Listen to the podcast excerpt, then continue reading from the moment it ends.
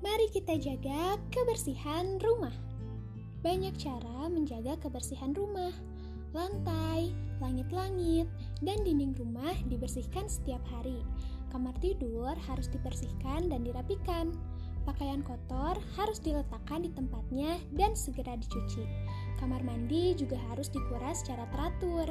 Jangan biarkan air tergenang karena akan menjadi sarang nyamuk. Ember tempat air jangan dibiarkan terbuka. Rumah yang baik juga harus dilengkapi dengan ventilasi dan jendela. Ventilasi berguna sebagai tempat keluar masuk udara. Jendela berguna sebagai tempat masuknya sinar ultraviolet ke dalam rumah. Cahaya yang masuk baik untuk kesehatan.